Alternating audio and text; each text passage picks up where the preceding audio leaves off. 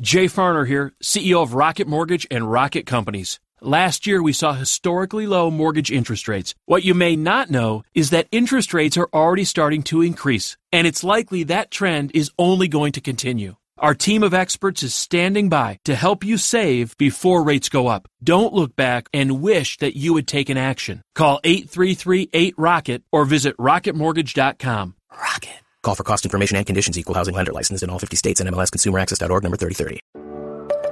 This is what matters most, and I'm Matt Popovits. Look, life is crazier than ever, and lots of people, maybe even you, are feeling anxious and overwhelmed. Today's message is designed to help you figure out what's most important and to experience the peace and joy that God intends for you. Because life is a gift, and it shouldn't be wasted on worry. I'd like to give you a resource, something to help you navigate the road ahead. Just go to mattpopovits.com, click on the icon, and we'll send it to you. That's Matt, P-O-P-O-V-I-T-S dot com. And hey, if you happen to live in the Houston area, I'd love to see you on a Sunday morning at St. Mark in Spring Branch. Head to stmarkhouston.org to plan your visit. Here's today's message. Thanks for listening. Everyone has authority over somebody. Sometimes the authority that you have over somebody else is really explicit, like the authority you have over your kids or the position of power that you have at work. You, you have very explicit authority over somebody else. More often, the authority, though, that you have other people is subtle, like, say, uh, there are individuals in your social group that look up to you and follow you and kind of imitate you. That's authority as well, although it's a little more subtle. Maybe authority for you is, is something you rarely reflect on. The power that you have in your hands is something you rarely think about. Or maybe for you, it's something that you obsess over. There was always that kid in school who, whenever you were assigned to work in groups, like her hand instantly shot up and offered to be the leader of everybody. And then when you got in your circle, like she would look at you and say, I'm going to be in charge because the rest of you are going to screw this up. Remember that person? You, you looked at it and you thought, you're going to run a company someday or a fascist dictatorship? One of the two. A few years back, um, Google um, uh, gained some acclaim and intrigue for its company motto. Any of you happen to know what Google's company motto is?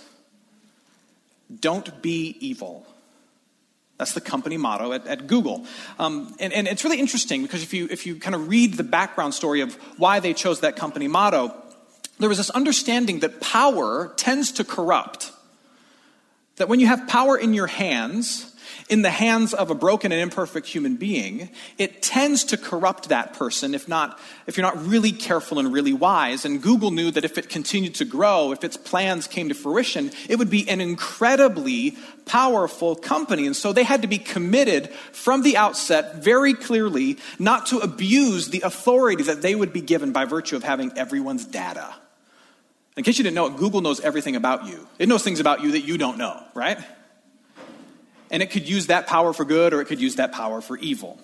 That value, don't be evil, was, was first stated in a company document called 10 Things We Know, for, we know to Be True. 10 things we know to be true. And it was a document that was put together in the company's infancy. And what's interesting is that that phrase, don't be evil, is part of a larger paragraph that says this Remember, we're a business. We exist to make money, but don't be evil. Let's avoid evil as much as possible. Let's not try to abuse our authority, but along the way, let's use our authority to accomplish our agenda, which is getting rich. Now, I'm not saying there's anything wrong with that, but I do think that that's a great picture of what our standard understanding of authority, exercising authority, is we tend to see authority as the power by virtue of our position to leverage others, to move others towards our goals. If I have authority to exercise, it means I have power by virtue of my position as the boss at work or the mom at home or the mayor of the city. I have power by virtue of my position to move people toward my goals. And along the way, I shouldn't be evil. I shouldn't be too selfish. I shouldn't abuse that authority, but it is okay to move everybody toward my aims. And if, my, if I'm Google, my aim is not to make a better search engine. My aim is to use the incredible authority that I have to make what? Money. And it's my prerogative to do that if I'm Google or if I'm mom or if I'm the boss or if I'm the mayor, because I've got the authority. So at work, you're the team lead of your, your, little section of the company. And so as the team lead, you get to set the goals that matter to you. You get to determine the framework of how you're going to do your work as a team that makes sense to you. And you get to leverage that position, that authority, in a way that accomplishes, accomplishes it in a way that pleases you. You have the authority. At home, you have kids. It means you've got authority. It doesn't feel like you have any, but you do. So, as the authority figure, you set the goals that matter for you, that work for you, and you leverage your authority with your kids to have them accomplish those goals with you and for you. And your nine year old boy might walk up to you and say, Dad, why do I have to be, why do I have to make my bed in the morning and then be back in bed by eight o'clock every night? Why is that the rule? And as a good dad, you can look at your son and you can say, Because I've determined that you need to learn responsibility, so you're going to make your bed and I've determined that you're a growing boy who needs plenty of sleep, so you're going to be in bed by 8, 8 p.m. Those are my goals, and I'm going to move you towards that because that works for me.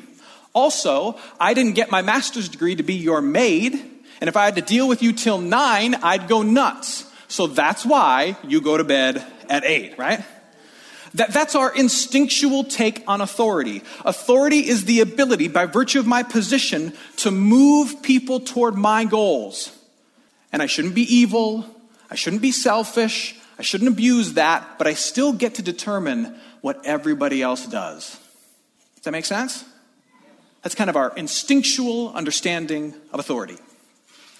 Now, Jesus enters the scene 2,000 years ago, and he starts talking about authority too. And unsurprisingly, because this is typically what Jesus does, he takes our understanding of authority that Google has, that you have, that your mom has, that the mayor has, and he approaches it like it's a table, and he just kind of flips it over, and he presents a totally different idea.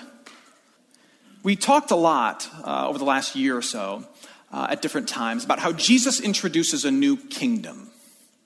In fact, if you read through the Gospels, you hear Jesus saying that over and over again. He says, The kingdom of heaven is at hand, the kingdom of God is near. What he means is that he brings with him a new way of seeing the world, a new way of, of living in the world and operating in the world, a way that, that works according to God's values and not necessarily our values. A great example of this is with the subject of authority. So at one point, Jesus is approached by the mom, the mother of two of his top disciples, James and John. And apparently, James and John hadn't really cut the cord yet because their mom is doing their dirty work for them. So their mom walks up to Jesus their boss, and she approaches asking if her sons, once Jesus' mission is accomplished, if they could get a promotion. Could you imagine your mom going to your workplace, knocking on your boss's door? Some of you could imagine this, knocking on your boss's door and saying, Hey, when this big project is done, could my Bobby get a raise? That's what happens here. She approaches asking if her sons could each get a promotion. She says, Once you do the work of saving the world, can one of them sit on your right and can one of them sit on your left? Can they have some authority? Can they have some power? They're really good boys, Jesus. And what I love about Jesus, I love so many things about him, but I love how he handles this. He just straight up tells her, No, I can't do that. But then he uses it as an opportunity to teach the rest of his disciples about how different power and authority are in the kingdom that he's introducing. And so listen to what he says in Matthew chapter 20, starting at verse 25. Listen to these words. He says, You know that the rulers of the Gentiles, the non believers, in other words, you know how the rulers in the rest of the world lord it over their people and their great ones exercise authority over them. In other words, non believers with their authority structures, they love to be in charge. They love power and getting people to do things. Listen to what he says. It shall not be so among you. In other words, we're going to do the exact opposite if you're a follower of me. Whoever would be great among you must be your servant. And whoever must be, would be first among you must be your slave. Jesus is saying this. He says, the rest of the world, um, authority is, is the ability to, to move others towards your aims. In God's kingdom, it's going to be the opposite.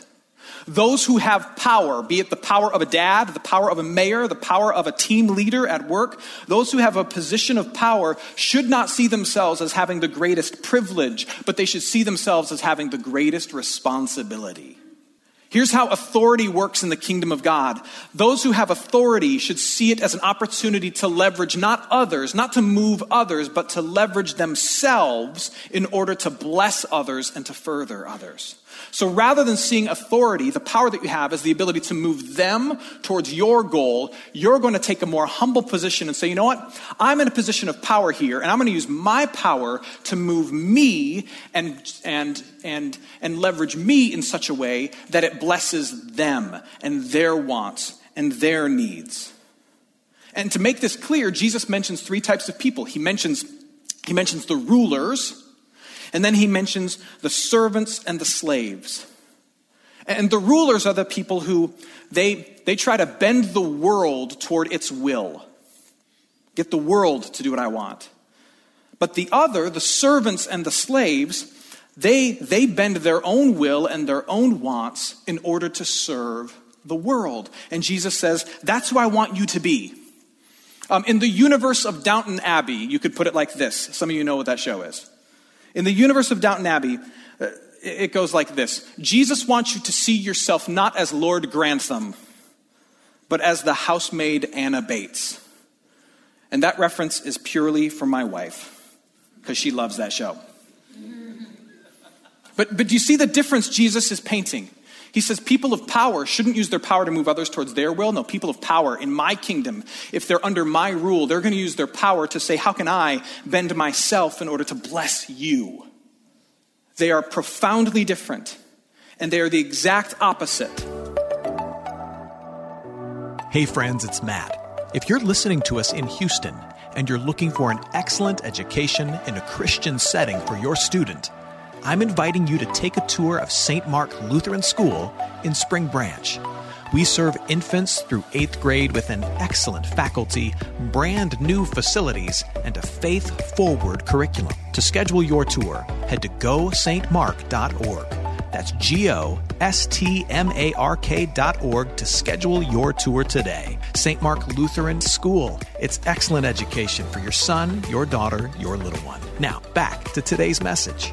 And the beauty of this, if, if people were to really embrace this and say, yes, this is how I'm going to live my life, this is how the world should work, if we really embrace this, the beauty of this is twofold. First, if people really embrace this, if they use their power and their authority to bend themselves towards the needs of others, then it would make the world a far more compassionate and far more just place than it actually is.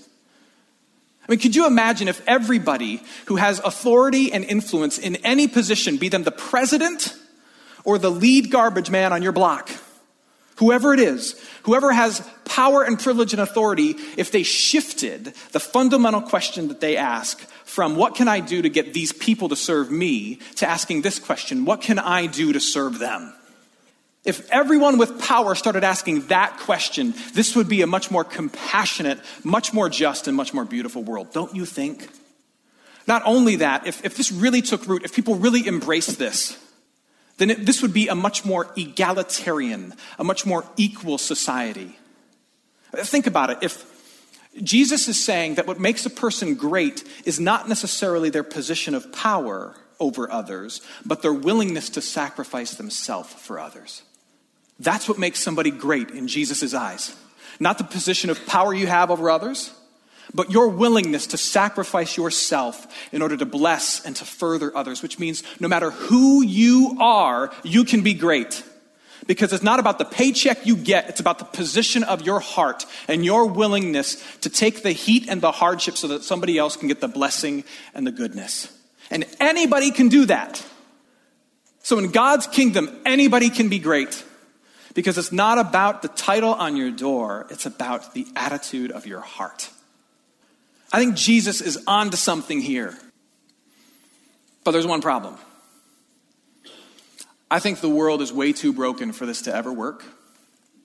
And I think that standard of being willing to always use your authority to sacrifice yourself to bless others, I think that standard is way too high. If, if anyone had the right to walk through the world demanding that the world bend toward his will, it was Jesus. If anyone had the right to use his authority as Son of God, God in flesh, to get the world to do whatever he wanted and still be good, still be holy, still be just, it was Jesus. He, he could have been born in Bethlehem, grown up, and then just walked through Jerusalem saying, Hey, serve me. And you know that's what you would have done. Because that's what I would have done. Yet, yet, what does Jesus do? Though he is the ruler of rulers, he chooses to live like a slave. And, and he, he uses his, his authority to position himself for sacrifice. And, and then he pours his whole life out in service to others. He pours his whole life out in service to others, even to the point of death. Now, now it's tempting to see what Jesus did in positioning himself, though he's God, as a slave and using his authority to, to put his life in a position of sacrifice. It's easy to see it simply as a, as a great example. A great example of leadership. Man, Jesus asks us to do that, and then, and then he does that as well. What a good guy. He doesn't ask us to do anything that he hasn't done. It's a great example. But if all it is is an example, then we're lost. You see, Jesus' rejection of glory and his embrace of sacrifice, it doesn't just show you something, it accomplishes something for you. This world is broken, and this world devours sacrificial people. I am broken. I devour sacrificial people, and so do you. And, my selfish heart, my selfish heart hates laboring under somebody else's agenda. When I'm a servant, I tend to give up easy and I tend to burn with bitterness, and I know you do too. And, and you and I both know that that's not how the world should be. The world shouldn't devour the sacrificial people, and my heart shouldn't hate being a servant. That's not what this world needs, and that's not what a good and holy and just God wants. And so, what Jesus does is Jesus shows up and he lives this purely sacrificial life that the world needs. He lives the purely sacrificial life that God demands. And then he lets the world devour him. It beats him and rejects him and kills him. He lets the Father punish him for what we've done wrong. He lets the world devour him because that's what the world does to beautiful and sacrificial people. He lets the Father punish him because that's what the world deserves. He, he does all of that and then he rises from the dead. And in rising from the dead, he declares the evil of this world defeated and the selfishness in your heart forgiven. And he does that so that now the world has a way out. The world has a way out from, from the devouring nature of this world and from the judgment that my brokenness and your brokenness deserves. And the way out is that we run to Jesus. If you take the position of being a servant and you are abused for doing what's right, we know now that Jesus has been there, that he's been abused too, and so we run to him because he won in the face of his abuse. When we, when we feel guilty for the garbage that we've done, and we feel guilty knowing that we're not as sacrificial as we should be, we know that we are also forgiven and loved. We run to Jesus. We run to Jesus because he's been crushed. We run to Jesus because he's been punished. We run to Jesus because he's been crushed, he's been punished, but he has also risen. Christ has, has secured for us an existence where the abuse of the world will not define us and the brokenness in our hearts does not condemn us. Christ has secured a world through, through his own rejection and his death and his resurrection where we are forgiven, we are accepted. He's, he secured our flourishing through his sacrifice. So now we run to him. I read a story recently that, that I think kind of brings the gospel to life in a fresh way, at least for me. It's a, a true story of a, of, a, uh, of a duck hunter and his friend who were out uh, hunting in the fields of Georgia. And as they were hunting, they, they saw on the horizon far away, they saw a cloud of smoke and soon they could hear the, uh, the crackling of fire. And uh, a strong wind came, came blowing by them, and they realized that there was this massive brush fire that was advancing towards them as they were out in the field hunting. And so the, the duck hunter, he was much more seasoned than his friend in kind of the outdoors and the wilderness. And so he began to dig through his pockets and through his bag until he found what he was looking for. And what he was looking for was a book of matches. And to his friend's amazement, he took a match out of the book and he struck it. He lit the match and he started to light a small fire all around them. Until soon they were standing in a circle of blackened earth. He lit a fire all around them until it burned away, and they were just standing in a circle of blackened earth. And he said, Stay here and let's wait for the fire to come. And then, as the fire came, they, they wet some rags and they covered their mouth and they braced themselves. And the fire came near and the fire swept over top of them. But, but the two men were untouched. And later, the friend looked at the hunter and he said, How did you know that we would be okay? And the hunter looked at the friend and he said, I learned from experience that fire will not burn where fire has already burned. That fire will not pass where fire has already passed. The evil of this world and, and the standards of a perfect and a holy God, they are like a brush fire barreling toward us. We can't escape them. The world will hurt you. And God, in His perfectness and His holiness, He knows you. He knows everything that is wrong with you and broken in you. And we can't escape those two facts. But if, if I stand in the burnt over place, I will be fine.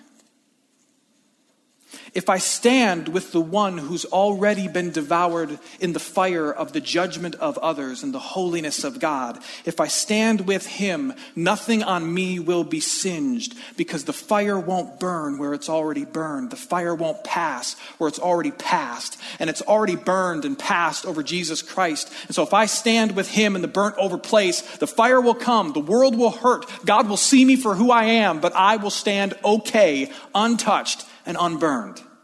Are you following me? And if that's true, then it removes the risk of embracing this radical view of authority and sacrifice and leadership that Jesus gives to us. If that's true, if I stand with Jesus and I am okay despite the world's evil and God's holiness, then, Christ has freed me to fight for the blessing and the flourishing of others at the expense of myself. There are, there are two ways to leverage the authority that you have. You can leverage your authority to accomplish your goals, or you can leverage yourself in order to bless and to serve others, but you can't do both. To leverage yourself to bless others is much more difficult, but it is also much more beautiful. I've had the, uh, the honor of officiating many uh, funerals uh, in my time as a, as a pastor. And, and in some ways, many funerals are the same. No matter how successful a person was in their life, uh, their accomplishments always get mentioned.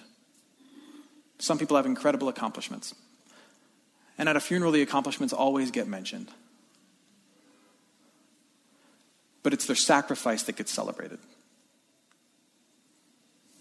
It's their sacrifice that gets told over and over again. It's the way in which they, they use their authority, not as a privilege, but as an opportunity to forward others. That's what gets celebrated in the end. And I think the reason it gets celebrated is because there's something about that that is divine and beautiful and right with the world, because that's what Christ has done for us. We tell his stories. We learn from his teachings, but what do we celebrate? We celebrate his sacrifice because it's in his sacrifice that we find life and hope and joy and happiness. You can leverage your authority to move others towards your will, and you can try to avoid evil along the way, you and Google. Or you can use the position and the power that you have to sacrifice yourself for the good of others and know that Jesus Christ has made it safe for you to lose yourself in loving another person. Hey, it's Matt. I hope you enjoyed what matters most. Here's what I need you to know life is a gift, and it shouldn't be wasted on worry. I want to help you figure out what's most important and to experience the peace and joy that God intends for you. So, for more content, you can head to mattpopovits.com. That's Matt, P O P O V I T S.com. There, you can also support this ministry as well as access your free resource, a little something to help you navigate the road ahead. I'd also love to see you on a Sunday morning. If you're in the Houston area, head to stmarkhouston.org to plan your visit. In the meantime, hit me up on Instagram at mpopovits or at facebook.com slash Matt Popovits Ministries. Thanks for listening. Now go and hold tight to what matters most.